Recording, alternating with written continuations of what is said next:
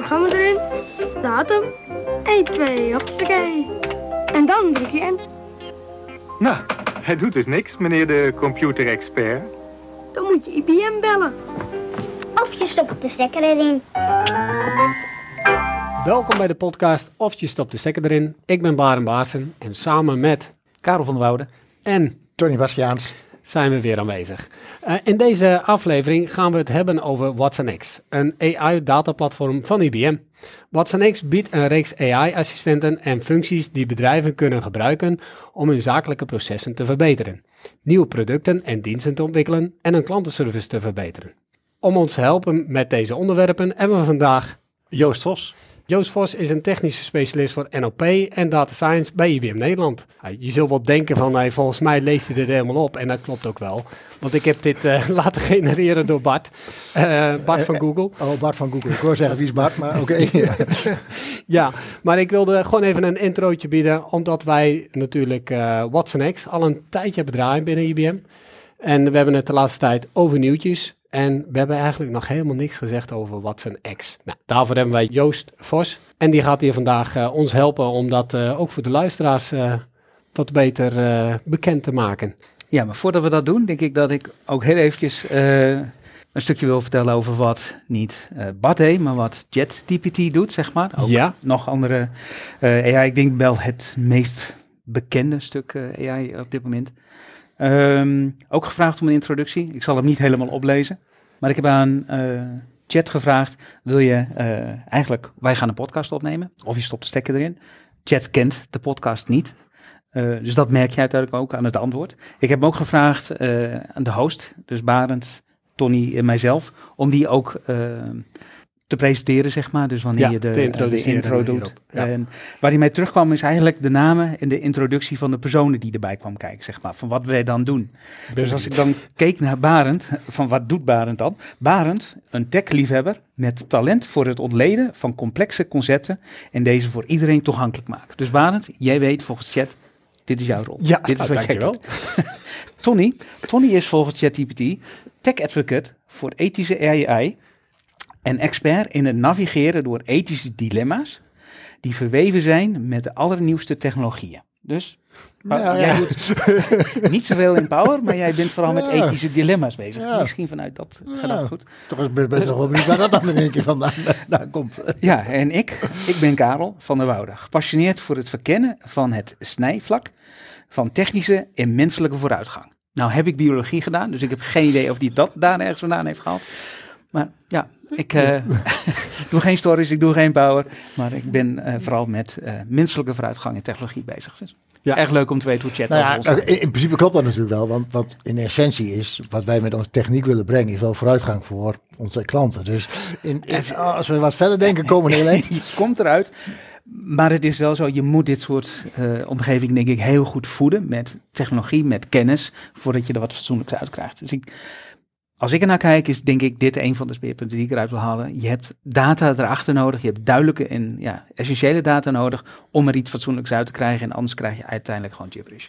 Ja, is dat een eens. conclusie die ja, je mag trekken? dat, eh, eh, ja, dat, dat is een conclusie die je zou kunnen trekken. En het grappige is, een van de eh, onderdelen die we standaard doen bij, bij workshops of demonstraties in een, in een wat groter gezelschap, is dat we de, de menselijke LLM game gaan spelen. Dat is eigenlijk gewoon een spelletje om na te bootsen wat een large language model nou eigenlijk doet. Ik zou net zeggen, LLM, Large Language Model. Large language model. Ja, eh, de modellen die nu veel gebruikt worden, zoals ChatGPT van, eh, van OpenAI, eh eh en BART van, van Google.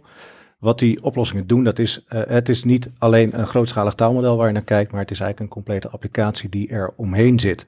Die vertaalt eigenlijk hetgene wat de gebruiker invoert naar een vraag, wat vervolgens op een model wordt afgevuurd en dat model dat gaat een antwoord geven. Maar dat model dat is getraind op veel onderliggende data waarvan we eigenlijk niet zo goed weten wat dat precies is. Eh, zeker niet voor de eh, gesloten modellen. Eh, die gesloten modellen, trouwens ook de open modellen, die, die zijn dus getraind op een enorme hoeveelheid aan data. En wat het model uit die data haalt, is eigenlijk hoe de mens taal gebruikt in de betreffende dataset waarop het is getraind. En waar bedoel je het verschil tussen gesloten en open? Het verschil tussen gesloten en open modellen is de transparantie die jij als eindgebruiker hebt eh, in de achtergrond van het model zelf, dus welke data is gebruikt om te trainen. Hoe is die data voorbewerkt? Hè? Soms eh, wordt er een voorbewerking aan eh, op losgelaten om bijvoorbeeld bepaalde data te filteren. Hè? Dus ehm, haatdragende data of misbruik. Hè? Dus er zitten be- best wel wat componenten tussen die eh, waarvan wij vinden dat dat niet netjes is om in zo'n model te laten trainen. Ja. Dus Ja. eh, extreem rechts of extreem links. Eh, dus er zitten best wel veel componenten waarvan we zeggen van nou, hè, het moet een, een, een generiek model worden. Dus we willen niet een politieke kleur gaan uitspreken. Of we willen niet een bepaalde richting, de conversatie in een bepaalde richting sturen. Dus je moet eigenlijk voor zorgen dat het model wat je creëert, dat dat ehm, ja, eigenlijk ook gewoon voor iedereen te gebruiken is, zonder dat je daar eh, ja, bepaalde taalkundige uitwassen krijgt van extreem rechts of extreem links, of bepaalde eh, minderheidsgroepen eh, door benadeeld. En dat is wat we eigenlijk bedoelen met hè, dus het, het complete ehm, verhaal van uitlegbaarheid, transparantie, betrouwbaarheid. Nou, bij die gesloten modellen heb je eigenlijk geen idee wat, wat er is gebeurd tot aan zeg maar, het creëren van het model. Je consumeert het model op basis van een stuk tekst wat je er naartoe stuurt en er komt wat terug. Maar hoe je daar uiteindelijk aan komt, ja, dat, dat, daar hebben we te weinig inzicht eh, eh, in. Dus dat is het verschil tussen open Ja. en, eh, en gesloten. Het tweede verschil is, bij gesloten modellen werkt er maar een klein clubje mensen aan de creatie van zo'n model. En bij open modellen, open source, heb je eigenlijk de hele wereld die eraan zou kunnen bijdragen. Dat is natuurlijk een heel groot verschil. Hè? Want die open source modellen, ja, of je nou in Japan zit, of China, of Australië, ehm, of ergens in Afrika, of Noord-Europa, dat maakt niet uit. Je kan bijdragen aan zo'n model.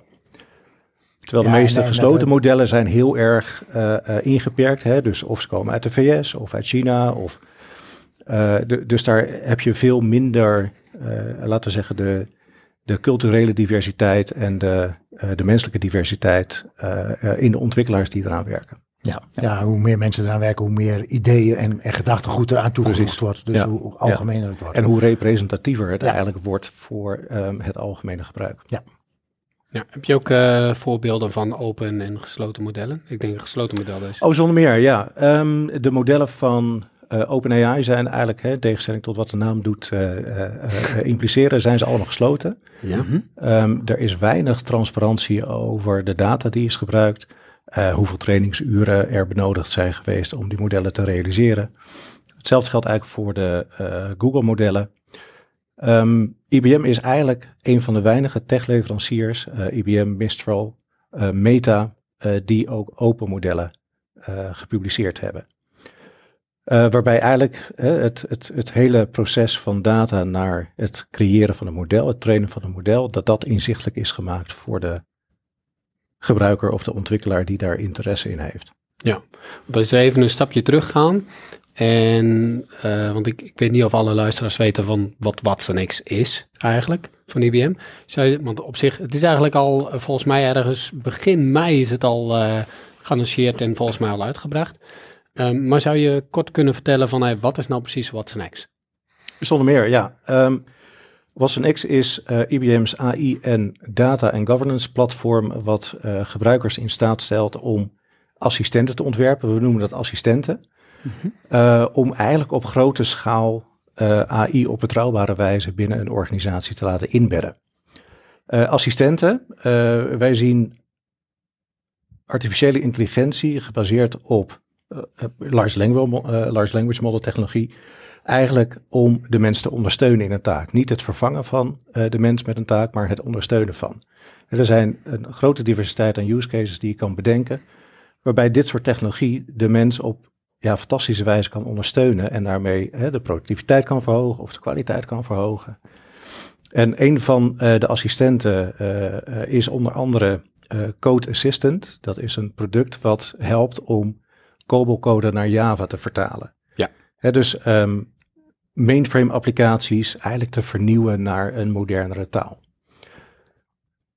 De Code Assistant is daar eh, heel goed in om vanuit die COBOL-code een voorstel te doen voor eh, eh, dezelfde code, maar dan vertaald naar Java. Maar uiteindelijk moet daar een ontwikkelaar nog wel naar kijken of te, om te eh, beoordelen of die code inderdaad ook het juiste doet wat het zou moeten doen. Ja. Ja. Hè, dus we ondersteunen daarmee eigenlijk de ontwikkelaar om veel sneller een bepaalde taak te kunnen uitvoeren. Ja, en dit is dan een van zo'n assist. Precies, Assistent. dit is dan ja. een, een van die assistenten. Ja. Ehm, een andere toepassing eh, die we eh, steeds meer zien, dat is eh, de toevoeging van generatieve AI in chatbots voor onder andere klantenservice of het ondersteunen van customer care medewerkers hè, die een telefoontje binnenkrijgen en vervolgens informatie moeten opzoeken. Nou, daar kun je dit soort technologie ook fantastisch eh, goed voor, eh, voor inzetten. Eh, en dan kun je dus inderdaad een assistent creëren waarbij je ja, large, language, large language model technologie gebruikt om bijvoorbeeld de zoekresultaten uit een kennisdatabank op te halen en dat op een hele nette manier aan elkaar te schrijven, gebruikmakend van hè, een stukje Ja. generatieve AI-technologie. Ja, dan is AI niet, niet nieuw. We kennen het natuurlijk al veel langer. Maar we zien dus nu wel een hele duidelijke shift in hoe daarmee gewerkt wordt. Dus die, Precies. Ja. de, de nieuwe vorm van AI maakt het Ja. eigenlijk de interactie vooral met voor mensen die niet gewend zijn om met AI om te gaan, veel makkelijker toch? Klopt, klopt. En dat, dat is dus ook de, eh, de propositie van, eh, van het Watson X-platform. Wat we daar eigenlijk mee doen is, we, eh, we hebben raamwerktechnologie gecreëerd, waarmee we ook de minder technische gebruiker in staat stellen om met eh, generatieve AI-technologie eh, aan de slag te gaan. Het platform bestaat uit drie onderdelen. We hebben Watson X.ai. Eh, dat is onze eh, studio-applicatie om met large language models te kunnen werken. Hè, daar Ja. kunnen we bijvoorbeeld een stukje prompt engineering doen. Hè, dus om zo'n large language model te bevragen, moet je een instructie meegeven. Hè, dat kan een vraag zijn of dat kan een vraag met een, hè, een stukje uitleg erbij zijn. Hè, bijvoorbeeld, je bent een, een handige assistent die in het Nederlands de vragen beantwoordt. En dan kan je zo'n model dus eh, een instructie geven dat hij ook in het Nederlands ook daadwerkelijk een antwoord gaat geven. Het tweede onderdeel is Watson X.data. Eh, dat is een, een dataplatform. Op het moment dat je een large language model, eh, model zou willen gaan fine-tunen met je eigen organisatiedata, dan wil je dat eigenlijk in een vertrouwde omgeving doen. Nou, daar is Watson X.data voor. Dat is gebouwd op een, eh, op een lakehouse architectuur, waarbij je als gebruiker of ontwikkelaar in staat wordt gesteld om databronnen eh, eh, te virtualiseren en samen te brengen binnen dat platform. En die data kun je vervolgens weer aan je Watson X.ai component beschikbaar stellen om je modellen op te gaan fine-tunen. Jij zei, wat voor house model? Een lakehouse architectuur. Oh, lakehouse, oké, ja. Ja. Ja. En heb je nou ehm, Watson X.data nodig om Watson X.ai te gebruiken? Of staan die eigenlijk ook weer enigszins los van elkaar? Het zijn modulaire producten, dus eh, op het moment dat je eh, fine-tuning niet nodig, nodig hebt, dan heb je eh Watson X.data ook niet per se nodig. Op het moment dat je die componenten samen gaat gebruiken, ja, dan heb je wel een geïntegreerde omgeving waar je zowel je dataplatform beschikbaar hebt als ook je AI eh, modelplatform, je studio platform om daadwerkelijk modellen te gaan fine-tunen. Eh, en als laatste, en dat is het, eh, het nieuwtje van, van deze maand, op 1 december is Watson Governance geïntroduceerd. En dat is eigenlijk de laatste schakel in de keten om ja, eigenlijk je hele proces te kunnen beheersen van data tot en met AI Lifecycle Management. En dan kun je dus ook kijken, ehm, ja, eigenlijk zou je het moeten kunnen vergelijken met een, een voedingslabel wat we op eh, eh, voedingsmiddelen hebben zitten. Je wilt weten als organisatie eh, wat voor AI je in je processen hebt toegepast. En je wil weten wat het ook daadwerkelijk doet. Hè? Dat is wat dat betreft heel erg vergelijkbaar met het label op etenswaren. Je wil weten wat je... Welke ingrediënten welke zeg ingrediënten in voedingsmiddelen zit voordat je het opeet. En hetzelfde geldt natuurlijk voor bedrijven. Je wil, je wil de controle houden, je wil de eh, beheersing houden van alle AI die je binnen je organisatie eh, hebt draaien. En je wil dat overzicht ook kunnen houden. En dat is wat het Watson X dat governance gedeelte doet. Het geeft ook een aantal extra parameters om de performance van je eh, large language models eh, te kunnen blijven monitoren. Hè, dus heb je niet te veel bias of heb je niet te veel drift in je modellen Ja. zitten. Hè, dus die modellen die hebben een bepaalde performance.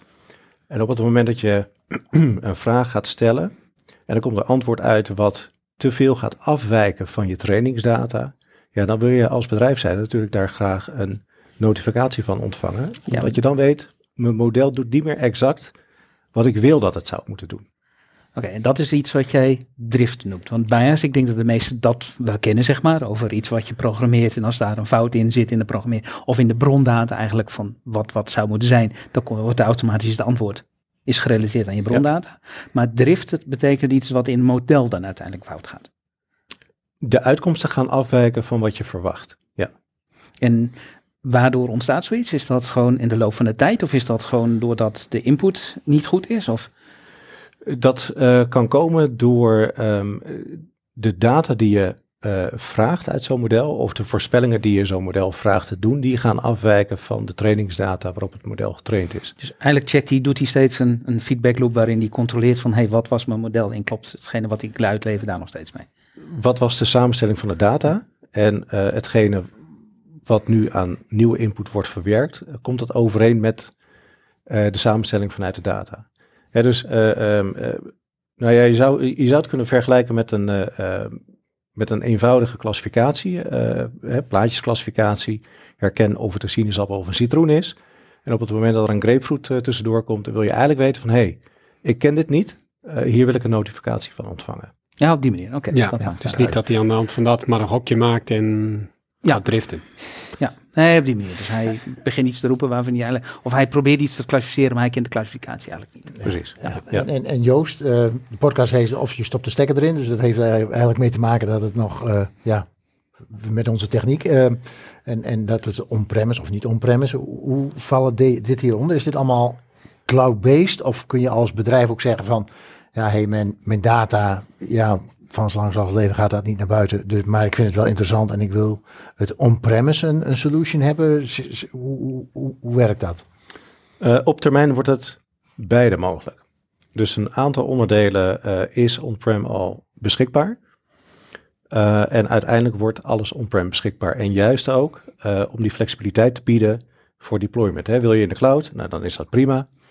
Eh, eh, acht jij jouw data dusdanig vertrouwelijk en wil je niet gebruik maken van cloud services of kun je geen gebruik maken van cloud services, dan bieden we ook de mogelijkheid om dat op termijn ook volledig on-prem te kunnen doen.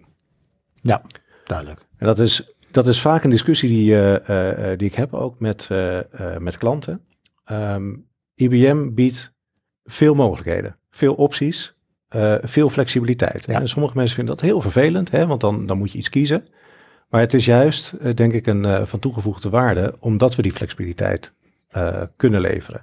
Hè, dus afhankelijk van waar je wensen liggen, dan kunnen we dat meestal wel accommoderen. Ja, nee, ja, dat herkennen we natuurlijk wel. Ik bedoel, eh, ja, als je alleen hamers verkoopt, is alles een spijker. Eh, Ja. Maar ja, bij ons is toch altijd meestal de eerste vraag van, ja, it depends. Of, en ja, het ligt eraan waar je het Ja. voor wil gebruiken. Ja. Ja. Ja. Maar dat betekent neem ik aan ook dat je kan beginnen met zo'n omgeving in een cloudvorm. Je kunt En uiteindelijk transitie kunt, eh, kan gaan doen naar een on-premises.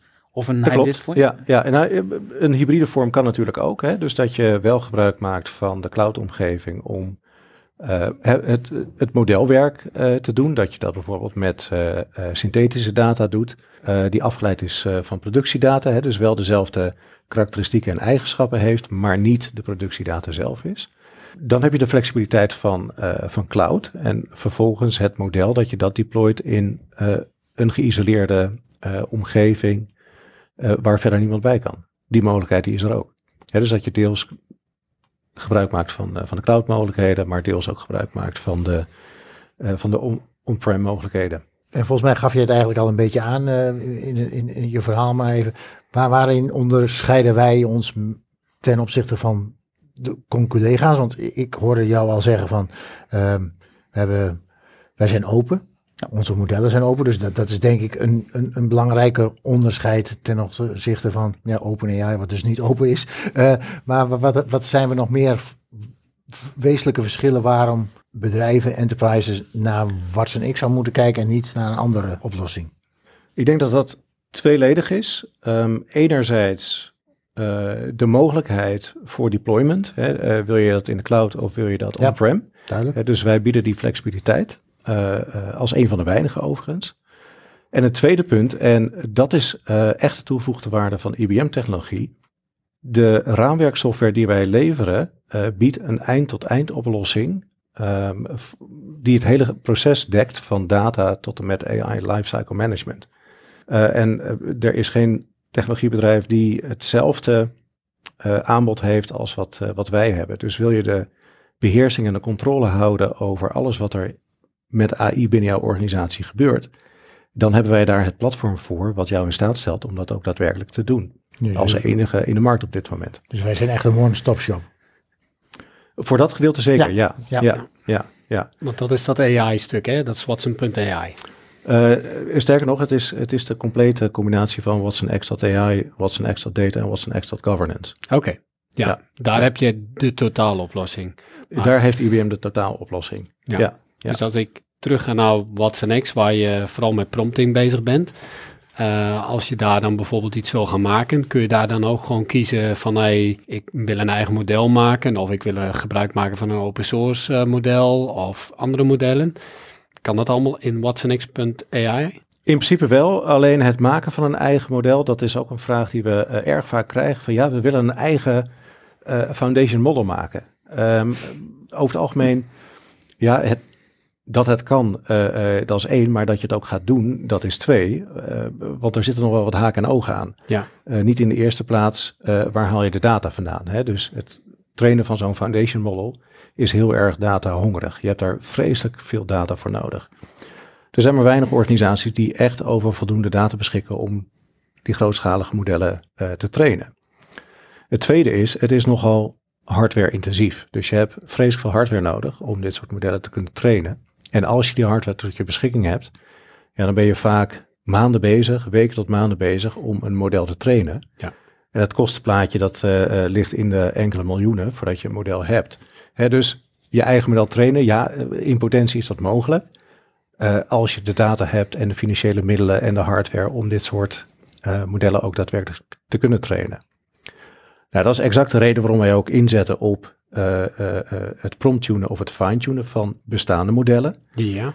Dat is namelijk al een basis. En het promptunen of het fine-tunen van een model is veel minder tijdsintensief, is ook veel sneller en veel goedkoper dan het model van nul af aan opbouwen.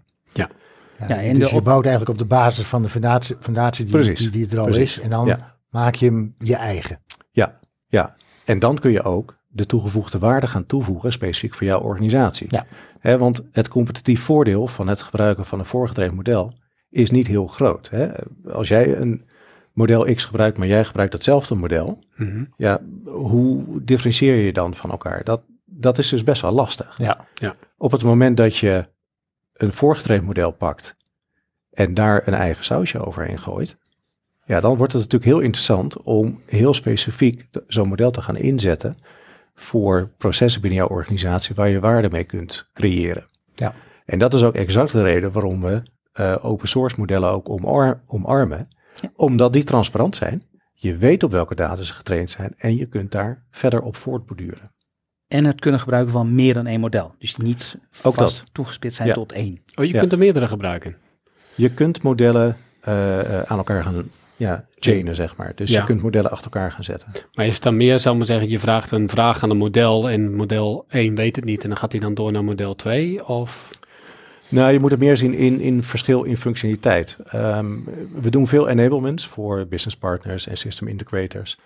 Er zit één opdrachtje tussen en die is op zich heel erg aardig. Ehm, het eerste model vraag je om een vraag te bedenken. Vervolgens de bedachte vraag, die laat je door een tweede model beantwoorden. En dan kun je heel aardig zeg maar, eh, het samenspel tussen twee van die modellen eh, eh, illustreren aan de deelnemers van, van zo'n workshop. Nou, wat je kunt bedenken is dat je bijvoorbeeld zegt van nou, ik gebruik een model om een antwoord te genereren. Vervolgens gebruik ik een tweede model wat ik specifiek heb getraind om de kwaliteit van de antwoorden, om daar iets over te zeggen. En dan kun je dus verschillende van die large language models achter elkaar eh, gaan schakelen eh, om ja, een wat complexer proces te kunnen uitwerken. Ach, grappig. Ik hoorde je net noemen foundation model.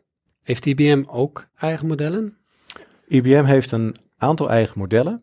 De belangrijkste eh, op dit moment, eh, die ook verwerkt zit in een, eh, een aantal IBM-producten, dat is het Granite-model. Dat Welk is model? Het Granite. Granite. Oké. En het Granite-model eh, zit onder andere al in eh, ons eh, conversational AI-platform, Watson X Assistant.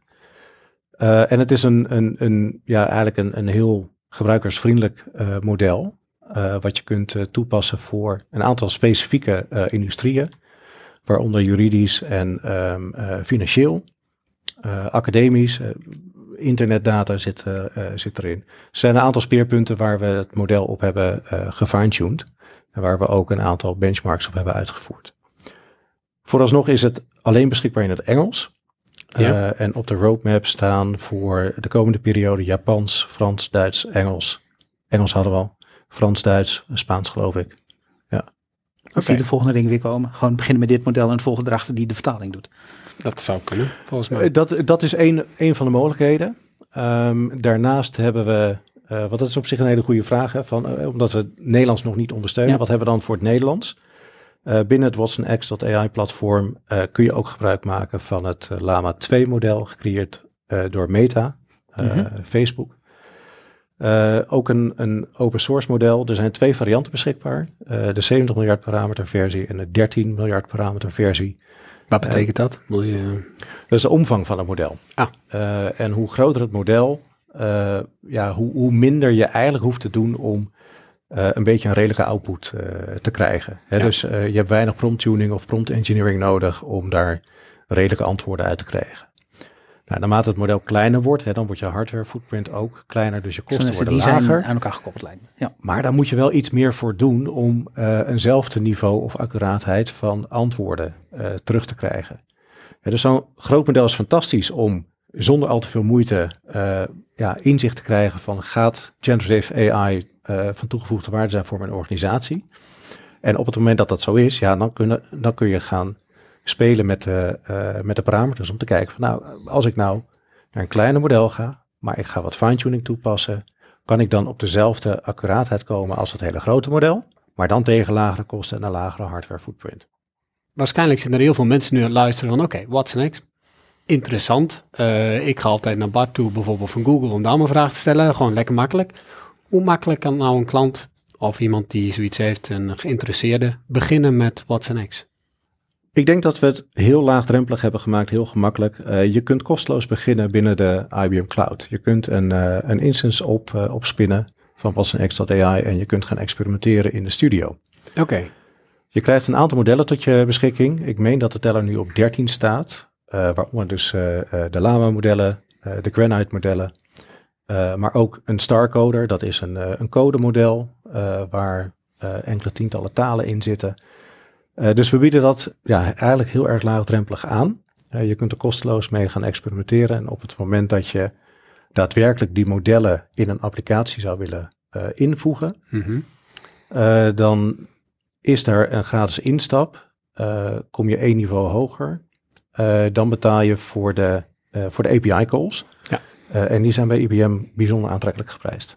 Oké, nou ja. Ja. Kijk, kijk, dat is nou precies wat ik wilde horen eh, natuurlijk. Eh, nee, maar eh, ik was gewoon zeer benieuwd. Kijk, het is natuurlijk een compleet platform en het is geen eindproduct waar je gelijk instapt om mee te beginnen. Maar je moet eigenlijk een klein stukje voorwerk eraan doen voordat je daar een enige output uit krijgt. Ja, ja. Maar het is gewoon heel mooi om te zien dat dat dus ook gewoon redelijk gratis kan ook. En dat je dus gewoon in IBM Cloud zo kan beginnen. Dat klopt, dat klopt. En ik, ik denk dat het ook heel erg voorziet in, eh, in de behoeften die we ook in de markt zien. Afgelopen jaar heb ik met bijzonder veel organisaties eh, eh, gesproken. En eigenlijk, nou, dat is niet eens heel erg verbazingwekkend. Er is nog nergens generatieve AI daadwerkelijk in productie aan de klantkant van een organisatie. Om een aantal redenen. Eén is het fabriceren van de antwoorden, hè, dus de, de zogenoemde hallucinaties. Ja. Ja. Nou, daar kun je een hele discussie, belangrijke. eh, hele discussie over voeren. Wat zijn het dan, die hallucinaties? Waar we eigenlijk naar kijken is gewoon een large language model die het beste of het meest eh, statistische woord, volgende woord voorspelt. Waar we mee begonnen, zeg maar. Met, Precies. Doen ze Ja. een introductie Ja. van ons? Ja. Hmm. Die is niet helemaal juist. Ja, dus eh, je kijkt eigenlijk gewoon naar een taalkundige voorspelling, wat in essentie geen feitelijke correcte boodschap hoeft te bevatten. Grammaticaal zal het correct zijn, maar de feitelijkheid hoeft Ja. helemaal niet zo correct te zijn. Ja. Nou, we hebben daar een paar tooltjes voor om dat wel te verbeteren. Eh, maar wat we dus in de markt zien is ontzettend veel organisaties experimenteren met deze technologie. Om de eenvoudige reden zit er potentie in voor onze organisatie. Maar vrijwel geen enkele organisatie heeft het in productie genomen eh, vanwege een aantal moverende redenen. neemt niet weg dat je die experimenteerfase wel degelijk moet doen. Nou, en dat is exact Ja. eh, wat wij dus ook met het, met het platform beogen. Dat geïnteresseerden aan de slag gaan met eh, diverse modellen. Het zijn de modellen die wij eh, zelf in Watson X.ai hebben gezet. Maar wellicht heb je wel een open source model waar je eh, heel enthousiast over bent en dat je daarmee aan de slag zou willen gaan. Ook die klanten kunnen we daarmee bedienen. Dus ook hier bieden we weer die flexibiliteit van IBM-technologie. je kan een IBM-model pakken, je kan een open source model pakken, of je kan een model van een derde partij pakken waar je de data van hebt en hè, waar je eh, de vrijheid eh, mee hebt om met dat model aan de slag te gaan. En op het moment dat je daar hè, enige ervaring in hebt opgebouwd, eh, dan kun je zo'n model ook gaan inbedden in je eigen applicatie. Dat kan via het Watson X.ai-platform. Maar het kan ook zo zijn dat je zegt, ja, maar wij zitten eigenlijk al bij een andere cloud-leverancier. Ik wil graag het model gaan hosten op een andere cloud. Nou, Ja. ook dat kan. En daar zijn wij ook weer heel flexibel in. En ik denk dat dat ook weer uniek is voor IBM, dat wij die mogelijkheid bieden. Ja. Dus je zit niet gebonden aan een bepaalde vendor of een bepaalde cloud.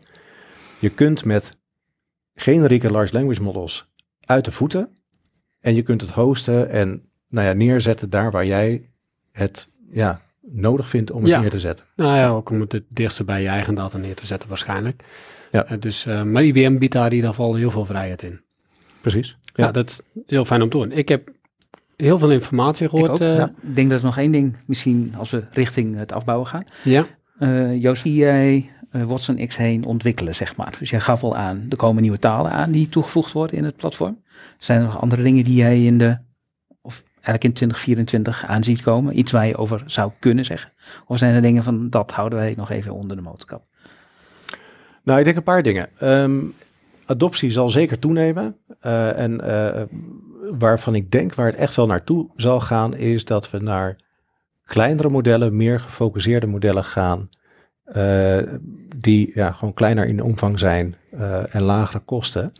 Energiefootprint naar beneden drukken. zeg maar. Energiefootprint naar beneden brengen. Ja, Ja. ja. dus een van de ja, meer gehoorde, nou ja, nadelen. Is het een nadeel, weet ik niet. Maar in ieder geval een van de meer gehoorde punten waarvan men toch denkt van ja, dat vind ik wel vervelend. Dat is de eh, responstijd van die modellen. Een heel groot model kost gewoon Mhm. tijd voordat je een antwoord krijgt. Ja. Ja, dus stel, eh, je zou dit soort applicaties inzetten aan een klantenservicekant. En die klant die moet drie, vier, vijf seconden wachten op een antwoord. Ja, dat is natuurlijk heel irritant. Ja, dus als je die tijd kan verkorten naar wat de klant redelijk acht, en meestal is dat een eh, seconde, anderhalf, een half tot anderhalf seconde.